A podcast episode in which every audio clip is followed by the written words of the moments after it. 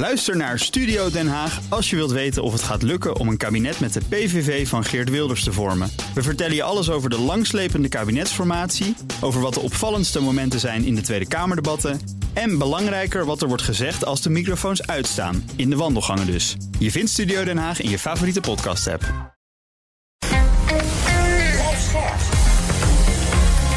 BNR Nieuwsradio. The Big Five. Diana Matroos. Nu al heeft 1 op de 10 mensen honger in de wereld. En als het om voedselonzekerheid gaat, is dat zelfs 1 op de 3. En er moet een echte crisis nog komen. De pandemie, de oorlog, het klimaat maken dat er mogelijk een voedseldrama op ons afkomt. En dan gaan wij het uiteindelijk ook in het Westen voelen. En daarom wil ik weten: wat is de business achter ons mondiale voedselsysteem? Wie bepaalt wie, wat, waar en hoeveel eten? En het belangrijkste: hoe kunnen we een crisis voorkomen en tot een meer verantwoorde en duurzame voedselketen komen? En daarom praat ik daar deze week in BNR's Big Five van de voedselcrisis over met vier kopstukken. We hadden Koningsdag, dus één dag uh, viel weg qua uitzending. En vandaag is dat uh, niemand minder dan Fijke Siebesma, de voormalig topman van multinational DSM. Het chemiebedrijf dat onder zijn leiding transformeerde naar een purposebedrijf. Dat zich richt op gezondheid, voeding en biotechnologie. Maar intussen is hij veel meer dan dat en zit hij op hoog internationaal niveau om tafel om complexe voedsel- en klimaatvraagstukken op te lossen. Fijke, ontzettend fijn dat je er weer bent. Ja. We hebben afgesproken te tutoyeren. En volgens mij mag ik intussen wel beter zeggen, Mr. Duurzaamheid. Ja, dat weet ik niet. Maar ik probeer me daar al heel lang voor in te zetten. En uh, ook vandaag de dag. En dat doe ik ook een, blij om hier vandaag te gast te zijn bij jou. Over wat ik vind een heel belangrijk onderwerp. Ja, want uh, ik ga het zeker met je hebben over de oorzaken en oplossingen van de wereldwijde voedselcrisis. Maar voordat ik dat met je bespreek, wil ik eerst van je weten twee dingen. Allereerst, wat raakt je aan de voedselcrisis? Eigenlijk precies wat je in je inleiding zegt. Uh, elke vijf seconden is er ergens in de wereld een moeder die haar eigen kind en vader, een eigen kind in een armen uh, ziet sterven aan gebrek aan voedsel. Tijdens dat ik deze zin uitspreek, waarschijnlijk al drie kinderen. En als je dat voorstelt, terwijl er meer dan genoeg voedsel in de wereld is, 30 tot 50 procent dat weggegooid wordt, uh, gekke voedselsystemen. Uh, ik denk, dit moet anders. Dit is toch eerste levensbehoefte ja. is eten. En dat lang niet iedereen anno 2022 dat recht eigenlijk heeft ingevuld of kunnen invullen. Ja, vind ik. Uh, Vind ik schandalig. Hè? Vind ik Schand, schandalig. Het tweede wat ik uh, van je wil weten: je praat op hoog internationaal niveau. En er is een hele lange lijst uh, van allerlei functies die je vervult. Hm. met welke wereldleiders praat je hier nu over? Ja, ik leid samen met de oud-secretaris-generaal van de Verenigde Naties, Ban Ki-moon, alle wereldwijde klimaatadaptatiecentra. Uh, er zijn er een stuk of tien. Uh, en dan proberen we het klimaatprobleem te adresseren. Ik ben de eerste en enige ambassadeur van het Wereldvoedselprogramma van de Verenigde Naties. Dus dat praat veel met de Verenigde Naties en het Wereldvoedselprogramma. IMF, uh, uh, Kristalina Georgieva, de baas van het IMF. En daar komt het straks op, want die kan helpen met de financiering van dit probleem. Dus met dat soort. Uh, en natuurlijk uh, regeringsleiders van landen. En andere CEO's van andere bedrijven. Ja, dat is ook nog belangrijk. Hè? kunnen doen, absoluut. Ja, dat is uh, de Alliance of CEO Climate Leaders. Klopt. En natuurlijk heeft klimaat ook weer met armoede en voedsel te maken. Hè? Dus het heeft alles met elkaar te maken. Als je dan praat, kijk, jij hebt ook een bepaalde fascinatie met dat voedsel. En die, en die voedselcrisis raakt je. Ja. Hoe gaan die gesprekken met die wereldleiders? Hoe, hoe, hoe ja, jullie zitten in die kamer, ik probeer er even naast te zitten. Hoe gaat zoiets dan? Ja, dat zijn verschillende uh, gremia en natuurlijk uh, verschillende groepen mensen waarbij ik praat. Uh, soms is het moeizaam als we het over ontwikkelingshulp hebben. Vind ik het soms lastig, omdat veel landen willen tegenwoordig ontwikkelingshulp in kind geven, hun eigen overschotten. Uh, een land als Frankrijk wil nog wel eens het eigen voedseloverschot dumpen in Afrika. En dan het gevoel hebben dat ze iets goeds doen voor hongerige mensen. Op hele korte termijn is dat misschien ook zo. Maar daardoor wordt Afrika nooit zelfvoorzienend en blijft altijd afhankelijk van. Dan vind ik die gesprekken moeilijk soms met, mm -hmm. met ministers. Die weer klem zitten omdat hun eigen bevolking geen geld wil geven, maar goederen wil geven. Dus ik begrijp de politieke druk, maar toch is het niet goed. Maar als ik praat over een aantal CEO's en steeds meer bedrijven zijn aan het veranderen, willen echt uh, oprecht hun bijdrage leveren. Dus dat is weer heel positief. Maar het zijn lastige systemen omdat we het eigenlijk moeten hebben over de verandering van ons systeem. Uh, ons voedselsysteem is. En ons verdienmodel. Exact. Ja. Ja, uh, daar gaan we zo meteen ook over praten. Want bij DSM heb jij inzichten gehad van ik moet dat anders uh, gaan doen. Het gaat niet alleen om geld verdienen. Dus we proberen daar ook van te leren en dat op het probleem rond de voedselcrisis straks te plakken. Maar eerst moeten we denk ik toch nog even wat verder die voedselcrisis uh, bespreken. Waar Ach. we nu staan. Ja. He, want je praat er op hoog niveau over. En als je dan kijkt waar we in die crisis staan. Ik zie een hoop cijfers voorbij komen. Ik zie een hoop uitwassen. het nieuws is bijna niet uh, vol te houden. Protesten in Sri Lanka bijvoorbeeld. Uh, uh, volksopstand daar. En dat heeft dan ook alles met, met klimaat en eten te maken. Ja.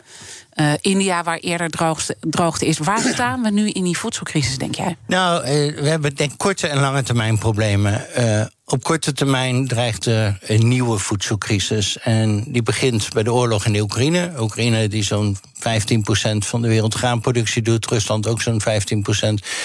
Oekraïne kan minder zaaien, dus zal straks minder kunnen oogsten. Dus er komt minder producten uit de Oekraïne. Rusland kan minder exporteren door de sancties. Uh, dat zijn de eerste twee. Uh, twee, op korte termijn is kunstmest een heel belangrijk iets. Op lange termijn kan je afvragen uh, hoe we naar kunstmest kunnen kijken. Op korte termijn geeft het opbrengstverhoging. Kunstmest wordt gemaakt uit gas. Gas is duurder, daardoor is kunstmest duurder. Daardoor zijn de gewassen weer duurder, maar ook minder beschikbaar. Het vierde is, naast Rusland, naast Oekraïne en gas... Uh, mensen willen energie onafhankelijk worden... en gaan landbouwgewassen omzetten in biobrandstoffen. Ik begrijp voor energieonafhankelijkheid een goede zet misschien... maar het helpt de voedselsituatie uh, natuurlijk niet. En het vijfde element waar we nu vandaag de dag mee te maken hebben... is uh, de klimaat. natuurlijk dat met name de droogtes in Afrika... die het afgelopen jaar al enorm waren... Ja, dat komt er ook nog een keer bovenop. Dus op korte termijn dreigt er een enorme voedselcrisis. Meer dan 50 miljoen mensen komen nu in acute nood. Gaat ook weer allerlei immigratievraagstukken opleveren. Want een aantal van die mensen willen uh, natuurlijk niet dit zomaar leidzaam nee. toezien. En gaan proberen te immigreren. Nog meer immigratiedruk. Is, uh, dit is een groot probleem op korte termijn. Ja. Het verrangen van dit probleem is dat er natuurlijk tekort is aan eten. Maar daardoor zijn de prijzen enorm omhoog gegaan. En ik vraag me af: is het meer een prijsprobleem of meer een volumeprobleem? En het prijsprobleem is misschien nog wel groter dan het volumeprobleem. Als de prijs te hoog is, ja, hebben wij het hier lastig. En dan moeten we meer voor ons brood en aan de benzinestation betalen, vinden we allemaal niet leuk. Maar in Afrika mm -hmm. is de hogere prijs het verschil tussen het leven en dood. Ja, maar ook hier trouwens, hè, ik bedoel, uh, voedsel wordt steeds meer elitair eigenlijk. Want ja. Uh, ja, wij zullen er geen last van krijgen. Maar heel veel mensen in Nederland Klopt. hebben giga veel uh, voedselbanken. Hè. We hebben misschien wel meer voedselbanken dan dat we. Uh, ja, de, de gezonde Nee, dat klopt. Hebben, ik hoorde het van mijn vrouw, die doet de voedselbank in Eindhoven. En uh, ja, het is schrijnend als je die verhalen hoort. Ja, uh, maar je, tuurlijk is het een heel andere orde dan die je beschrijft in bijvoorbeeld, nou, met name Afrika, hè, wordt, Ja. wordt getroffen. Ook andere delen van de wereld. Indonesië, Indonesië. Sri Lanka, Ja. andere. Ja. En dan gaat het over leven en dood. Je hebt er ook um, mensen ontmoet Ja. Die jou daar ook over vertellen. Vertel eens, hoe gaat zo'n gesprek? Ja, ik ben veel uh, op reis geweest met het Wereldvoedselprogramma, uh, die ik help al heel lang. In Bangladesh, in uh, Somalië, in Ethiopië, in Swaziland enzovoort. In vluchtelingenkampen of in arme dorpen. Ja, en als je. Je weet het natuurlijk allemaal van de televisie enzovoort. En je weet het, maar als je er bent. En je ziet dat mensen gewoon uh, worstelen met overleven. Terwijl je weet dat je zelf elke dag genoeg eten hebt. en ik straks ook weer terug kan reizen naar Nederland. waar ik uh, gewoon weer goed kan leven. Ja, dan is het onwerkelijk. Ja. Onwerkelijk om er te kunnen zijn. En proberen om zoveel mogelijk te helpen om uh, op korte termijn al dat soort voedselcrisis te adresseren door uh, met Wereldvoedselprogramma eten beschikbaar te stellen.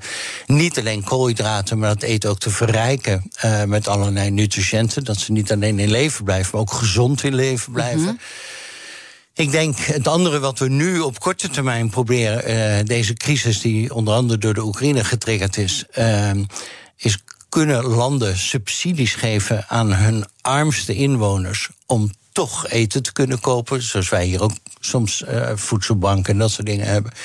Uh, die landen kunnen dat vaak niet. Nou kunnen we vanuit het IMF en de Wereldbank uh, financieringsinstrumenten geven aan landen, bijvoorbeeld in Afrika, zodat zij hun eigen bevolking kunnen subsidiëren rondom voedsel. Nou, dat proberen we. The Big Five. Diana Matroos. Mijn gast is Fijke Siebesma, voormalig DSM-topman... en nu bezig met uh, hele grote internationale vraagstukken... rondom voedsel en armoede en het uh, klimaat.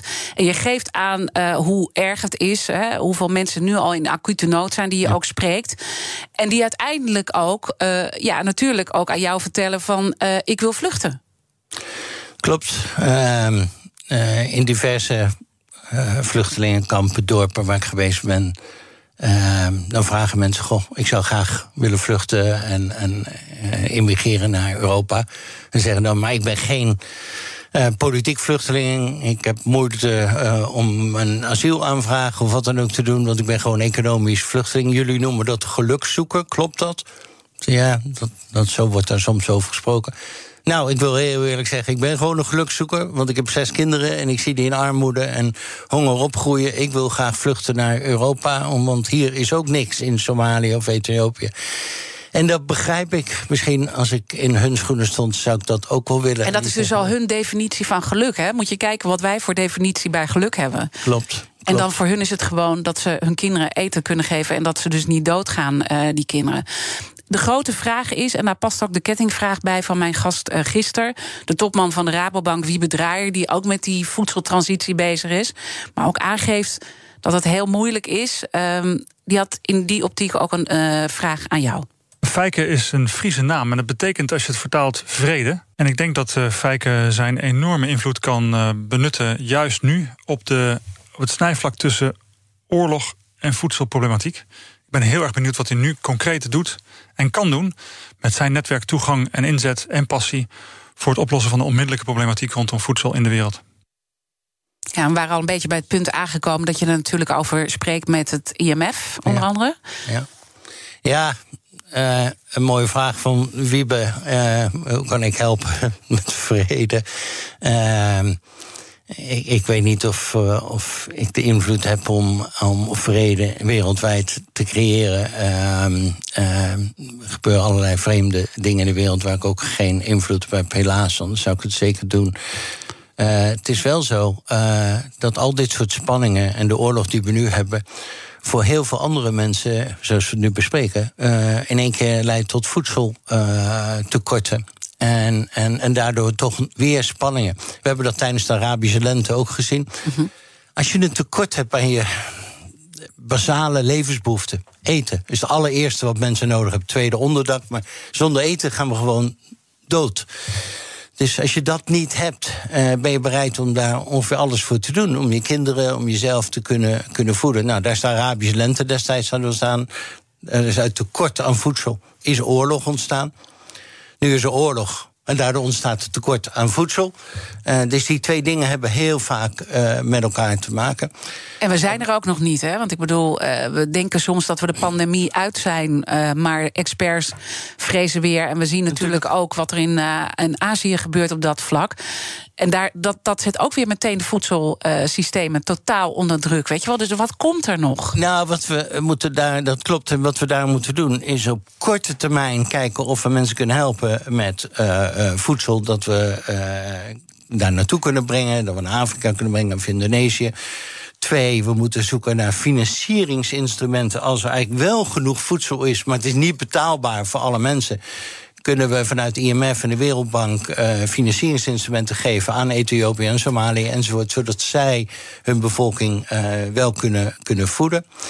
Op lange termijn moeten we naar een ander systeem. Uh, dit is korte termijn hulp en dat is goed. Mensen in nood moeten we helpen. Mm -hmm. Op lange termijn zullen we ons voedselsysteem moeten veranderen. En daar ben ik onder andere in Afrika mee begonnen, een aantal jaren geleden, met wat we noemen Afrika Improved Foods. En dan wil ik heel graag weten dat Afrika Improved Foods, want daar zitten heel veel uh, interessante ele elementen in. Maar nog even naar die korte termijn. Ja. Hoe lastig is het om dat geld bij elkaar te krijgen? Want uh, ja, je, we moeten oppassen dat we niet meteen naar de lange termijn gaan. Want die mensen houden het uiteindelijk niet meer Klopt. Uh, vol daar. is iedereen dan ook wel bereid om dat geld te betalen? IMF en de Wereldbank zijn weer afhankelijk van de landen die zij hun donor of hun uh, governance landen noemen, de rijke landen van de wereld, Amerika, Europa, Japan enzovoort. En die moeten het in de boord van IMF of de Wereldbank toestaan dat de Wereldbank en de IMF dit soort leningen geven. Uh, en ik voel, op dit moment zijn die discussies uh, in volle omvang bezig. Ik voel dat dat de goede kant op gaat. IMF en Wereldbank gaan nu verder het Wereldvoedselprogramma uh, supporten financieel. We gaan proberen om een aantal landen in Afrika financieel te supporten, zodat die regeringen korting kunnen geven op het voedsel in hun land. Dus ik heb er hoop op. En waarom is dat geld uh, zo belangrijk? Omdat er een tekort is aan voedsel. Nou, dat kan de IMF en de Wereldbank niet oplossen. Dat moeten we oplossen door herallocatie uh, van stromen. Want heel veel van het voedsel gaat naar de dieren. En die eten we die dieren op, maar dat is een inefficiënt systeem. Er is heel veel voedsel opgeslagen in noodvoorraden. Er is heel veel voedsel dat vernietigd wordt elke dag. Door, en die noodvoorraden staan natuurlijk niet in Afrika. nee, nee, die staan inderdaad niet in Afrika. Die staan in Amerika, staan in Europa, staan in China, staan in Japan. En kunnen we een deel van die noodvoorraden nu aanwenden. Dat is het volumevraagstuk. Maar het wrang is, als we nu de laatste cijfers zien... misschien kunnen we nog wel een end komen met het volume. Maar een klein volumetekort geeft een enorme prijsstijging. Wel 30 tot 50 procent. Nou, als wij meer moeten betalen. Ja, heel veel mensen in Nederland kunnen betalen, een aantal niet, maar die helpen we ook. Er gaan niet mensen dood in Nederland door tekort aan voedsel. Maar in Afrika, als je voedsel in één keer 50% duurder wordt, is voor een deel van de bevolking. Is gewoon niet te betalen. Is gewoon niet meer te betalen. Nee, nee. Terwijl het volume maar een klein beetje gedaald is. Dus je zou nog kunnen zeggen. Nou, misschien is er nog wel wat volume. Maar die mensen zeggen, maar niet voor ons blijkbaar, want wij kunnen niet betalen. En daarom is die financieringsroute zo van belang. En, en, en wie heeft daar nou een, rol in? Hè? Ik bedoel, ik, uh, ja, hebben de banken hier een rol in? Uh, gisteren sprak ik natuurlijk de topman uh, van de Rabobank. Nou ja, die ook echt proberen te bewegen, maar er ook nog lang niet zijn. want die financieren natuurlijk ook weer bepaalde grote ehm, organisaties, uh, noem een Cargill of al dat soort grote partijen, die ook bepalen natuurlijk waar dat voedsel uiteindelijk terechtkomt. Ja, ik denk niet dat we het moeten hebben uh, van de banken zelf, want die investeren vaak en die financieren op lange termijn bij projecten die ook rendement opleveren. En dat moeten de banken ook doen.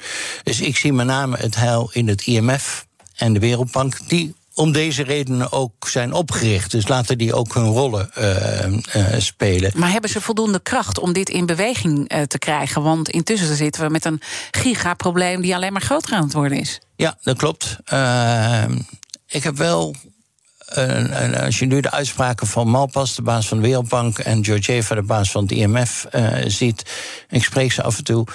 Uh, ik zie wel dat er een enorme wil is om dat te doen. Die worstelen natuurlijk een beetje met Canada, Amerika, Europa, Japan, die hun toestemming moeten geven, want dat is hun bestuur en Ja. hun boord. En dat gaat dus moeizaam.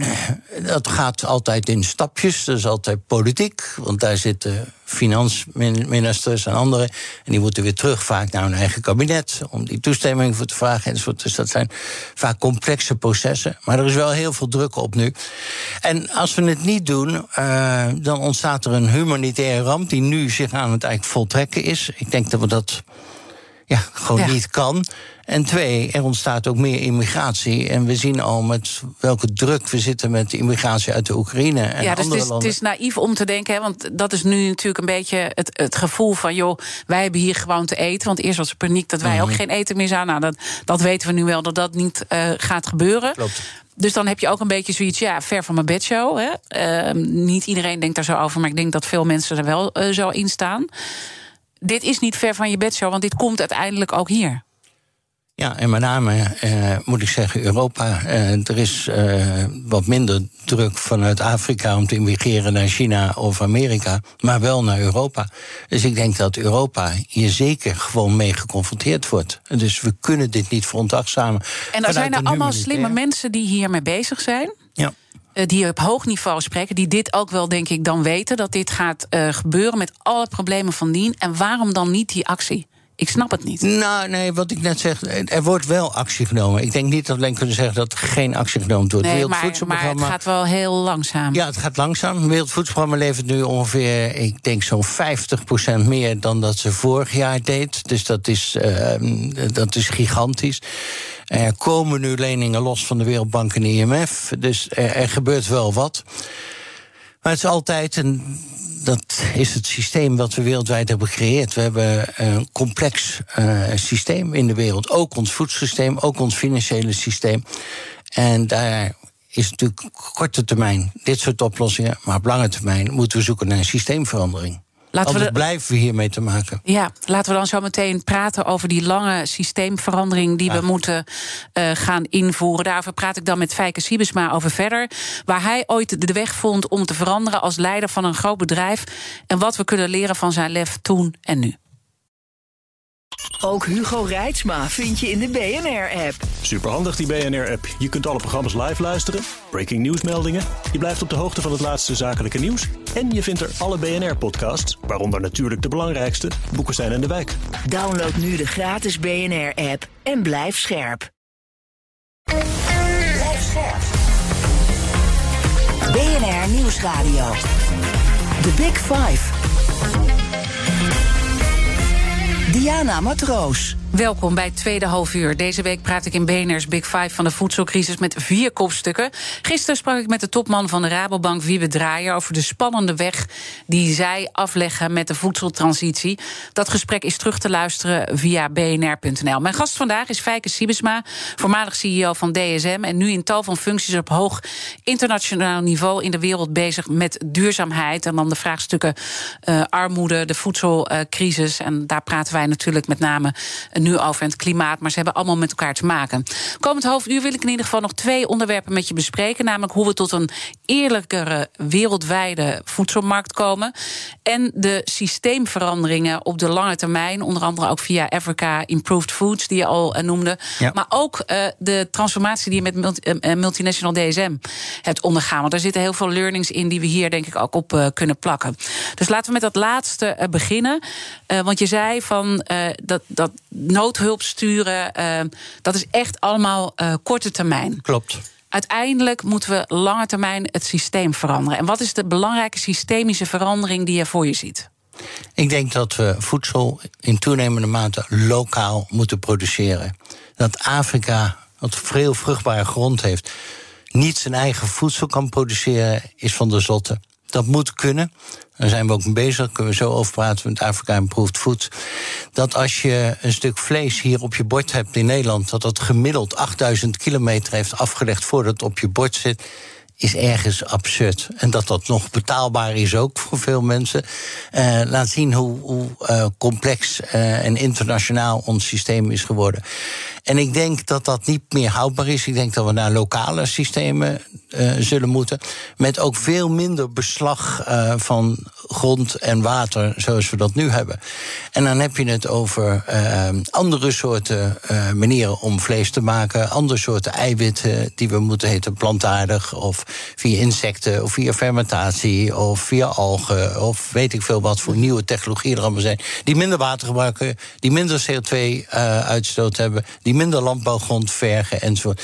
Dus het kan ook met de moderne technologieën om op een andere manier die voedselketen in te richten en minder afhankelijk van elkaar, meer lokaal. Ja, dus we moeten ook af van het idee van uh, in Afrika, ik zeg het even in mijn eigen woorden, in Afrika zijn ze zielig en we moeten noodhulp uh, geven. We moeten ze eigenlijk gewoon versterken, zodat ze uh, zichzelf kunnen bedruipen. Dat is eigenlijk wat erachter zit. Absoluut. Op korte termijn, mensen in nood, moet je gewoon helpen.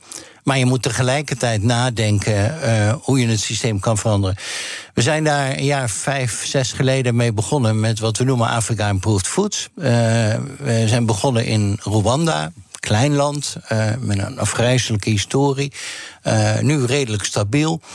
En we hebben gezegd, we gaan uh, 10.000 boeren aan ons binden. En dan zeggen we tegen die boeren: nu heb je een horizon van drie dagen dat je voedsel kan verkopen. Wij geven je een horizon van drie jaar. De komende drie jaar kan je alles wat je verbouwt aan ons verkopen. En dat geeft je stabiliteit. Inmiddels zijn we van die 10.000 boeren naar 150.000 boeren gegaan.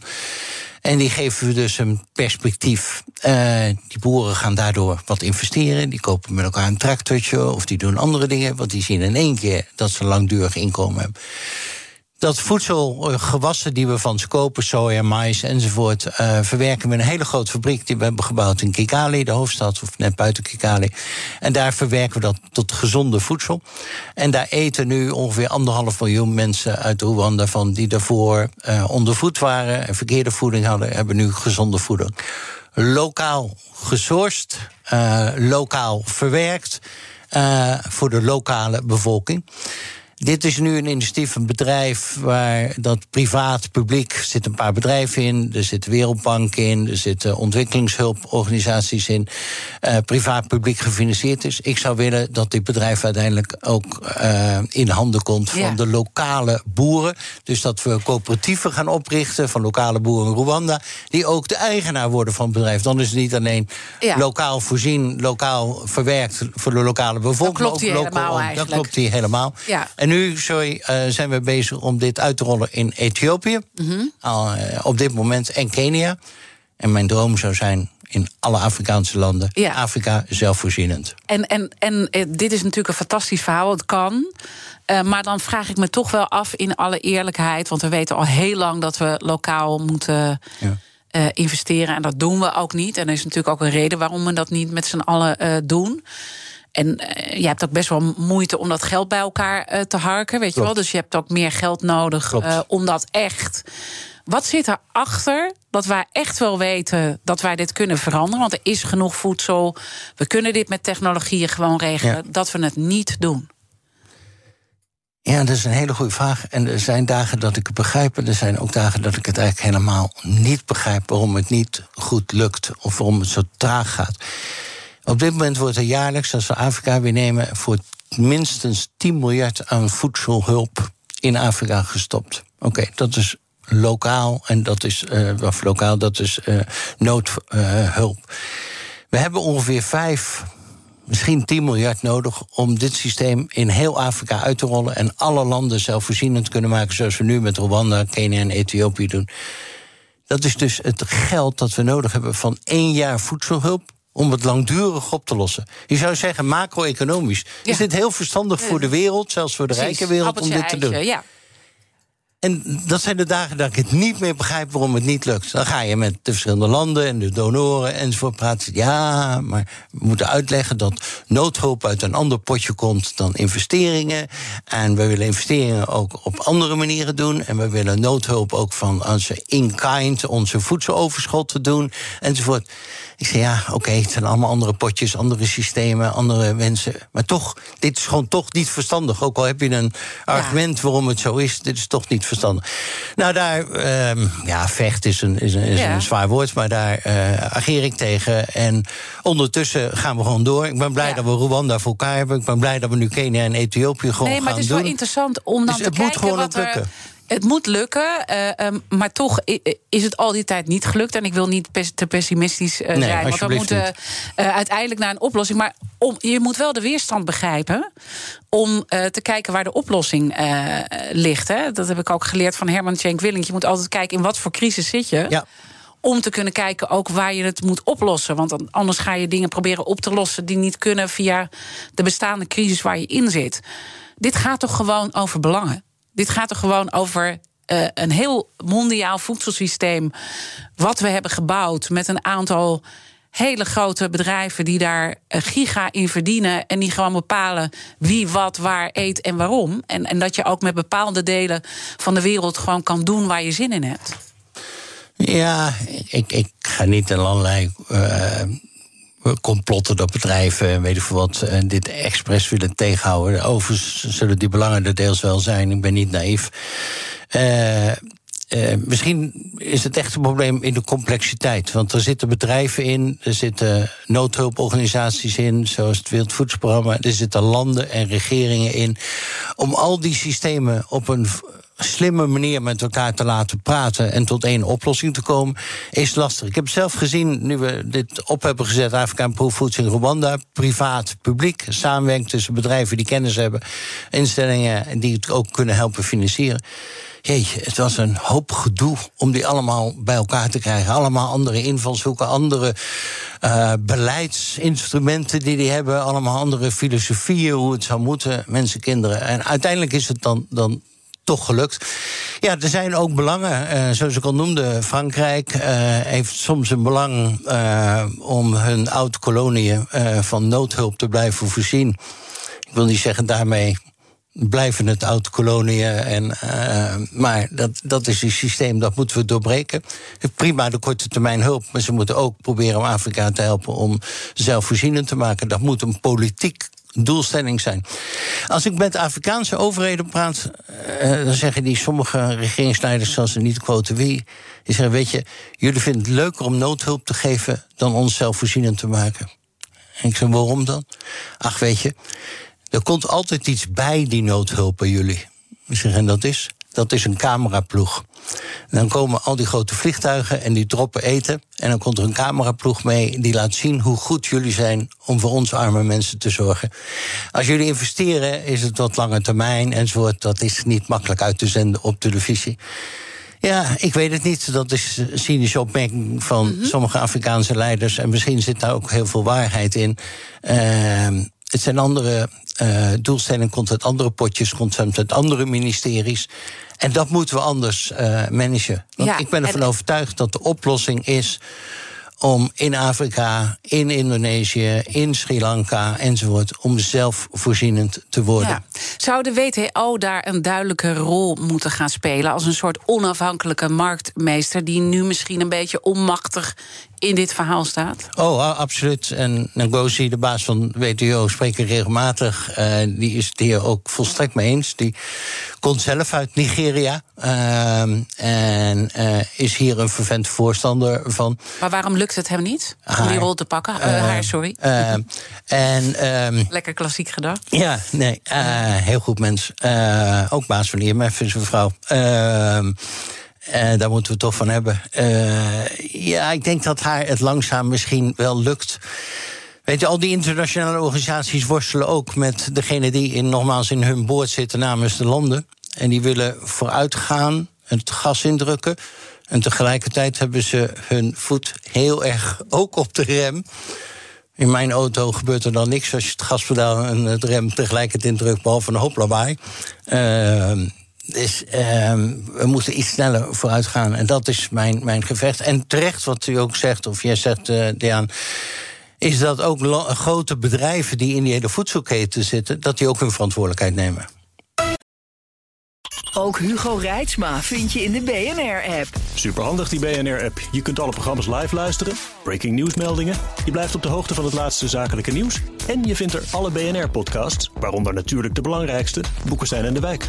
Download nu de gratis BNR-app en blijf scherp. BNR Nieuwsradio. The Big Five. Diana Matroos. Je luistert naar BNR's Big Five van de voedselcrisis. Eerder deze week sprak ik met Madelon Meijer, landbouweconoom van Oxfam Novib, die ook haar zorgen heeft, maar ook lichtpuntjes zag. Het gesprek is terug te luisteren in onze BNR-app. Mijn gast vandaag is Fijke Siebesma, voormalig topman bij DSM, maar nu de, op tal van vlakken bezig om armoede de wereld uit te krijgen en het grote voedselvraagstuk aan te pakken, samen met het klimaatvraagstuk. en we zaten eigenlijk op dat punt de belangen van de bedrijven ook. Want Weet je, met al deze problemen die worden geschetst, we weten al heel lang dat het uh, problematisch is en dat het complex is en dat we moeten oplossen.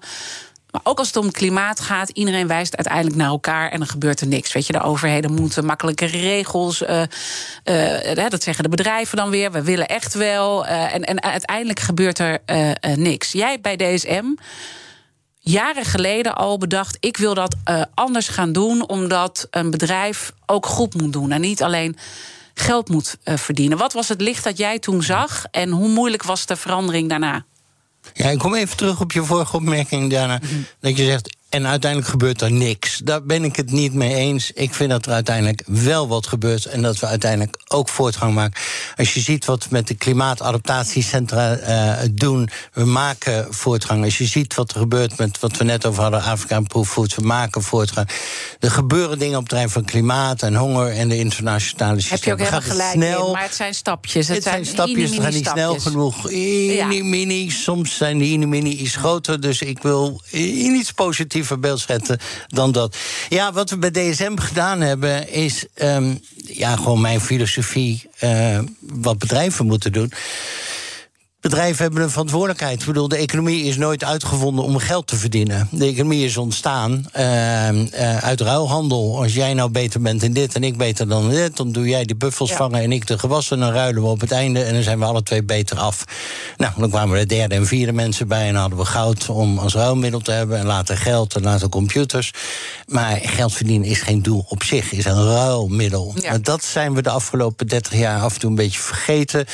We kregen celebrities CEO's als Jack Wells van GE of economen als Milton Friedman. Die zei: het gaat allemaal om geld verdienen. Dat is het doel in de economie. Nee, is helemaal niet het doel van de economie. De ja. economie is gewoon om met z'n allen hier gelukkig te leven. En toen heb je, ben je daarvan heb... afgestapt. En, en, en dan kom je denk ik toch ook in uh, gekke discussies. En op zich is dit een oud verhaal, maar het is wel interessant om het op deze transitie ook te plakken. Om te kijken waarin is het nou, waar schuurt het nou echt en hoe doorbreek je dat? Ja, en wat we met DSM gedaan hebben, is om die verantwoordelijkheid te nemen die je als groot bedrijf hebt. Als je impact hebt, dan moet je ook je verantwoordelijkheid nemen. En dan gaat het dus niet alleen maar om aandeelhouderswaarde, is ook van belang, maar niet alleen. Uh, want pensioenfondsen van jou en mijn pensioen moeten ook rendement maken, doordat er geldontwaarding is. En anders kunnen we onze pensioenen niet uitkeren. Dus uh, winst maken als bedrijf is ook van belang. Maar het is niet het enige doel.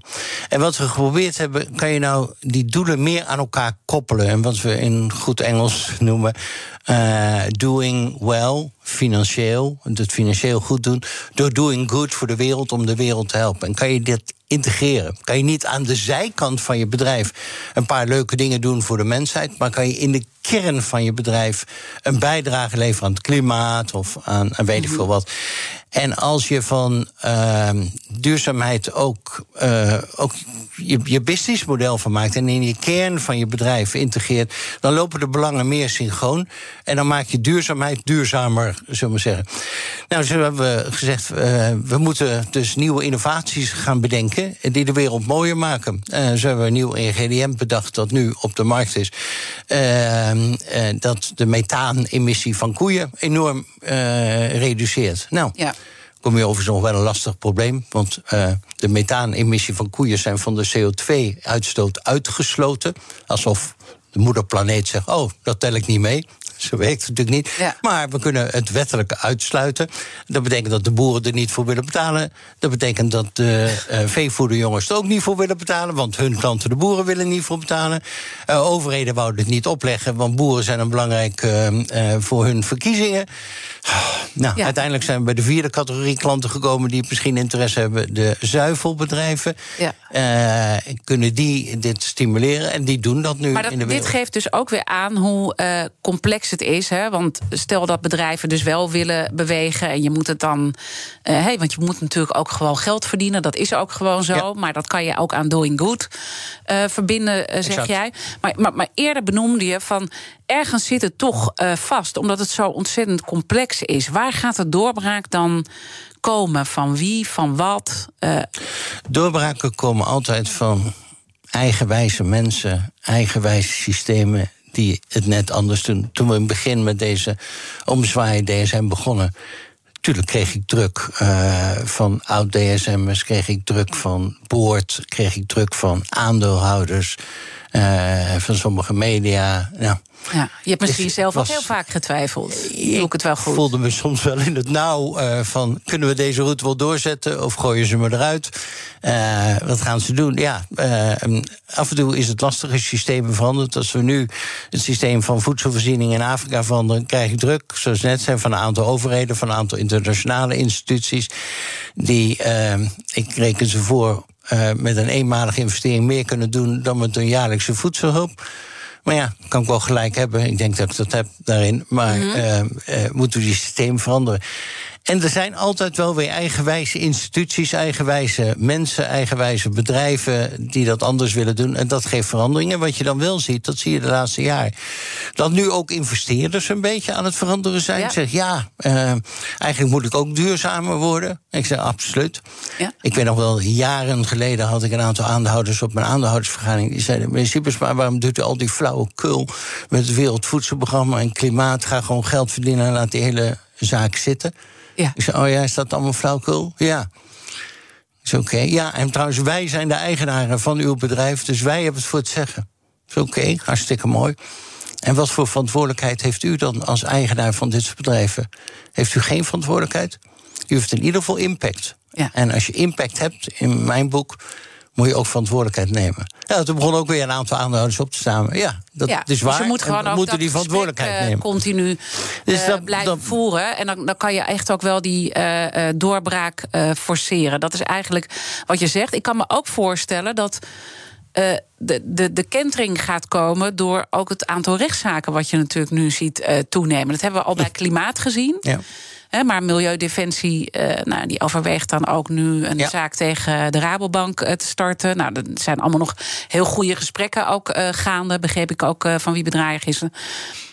maar ja, dat, dat, dat, dat is natuurlijk ook die ophef. Um, gaat hier meer komen, denk je, vanuit de maatschappij? Ik denk wel. Ik weet niet of de route is om dit allemaal via de rechte rechtszaken af te dwingen. Maar waarom gebeurt dat?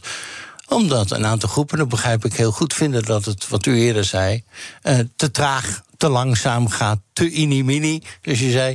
En, uh, en die gaan de druk opvoeren. En ik denk dat die druk alleen maar meer opgevoerd wordt.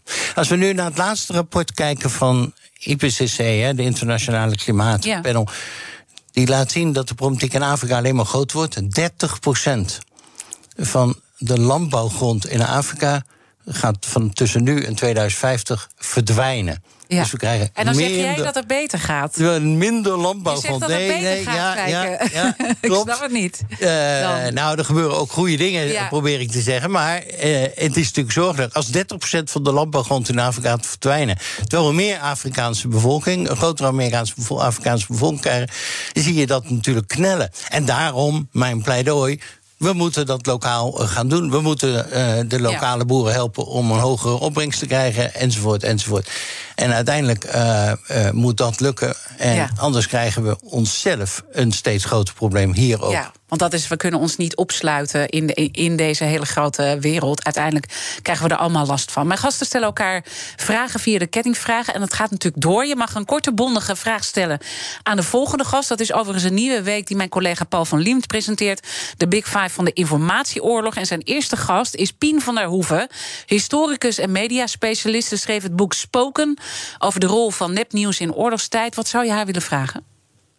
Nou, ten eerste de groet aan Paul Verlimt. En twee, de vraag aan haar is... Iedereen heeft op elk moment behoefte aan waarheid. Aan wat gebeurt er echt? En in oorlog, ook in andere situaties, heel veel nepnieuws waar je denkt: is dat nou echt waar? Is er een manier te bedenken om de informatie die er is te verifiëren, te objectiveren? Dit is waar, dit is niet waar. En wat denkt zij erover om dat systeem met elkaar te bouwen waar iedereen gewoon weet waar we aan toe zijn. Dank voor die mooie vraag en de groeten. Die zullen zeker goed aankomen bij Paul. Dank Fijke Siebesma. En natuurlijk zijn alle afleveringen zoals altijd terug te luisteren. Je vindt de podcast in onze BNR-app en op bnr.nl. Maar zometeen natuurlijk Kees Dorrestein met het programma BNR Breekt. Dus blijf zeker live. En intussen wens ik je alvast een prachtig weekend. Ook Liesbeth Staats vind je in de BNR-app. Ja, heel handig. Luister live naar Kees en mij tijdens de Daily Move. Dan blijf je ook gelijk op de hoogte van breaking news en het laatste zakelijke nieuws. En daar vind je ook alle BNR-podcasts, waaronder de Perestrooikast. Download nu de gratis BNR-app en blijf scherp.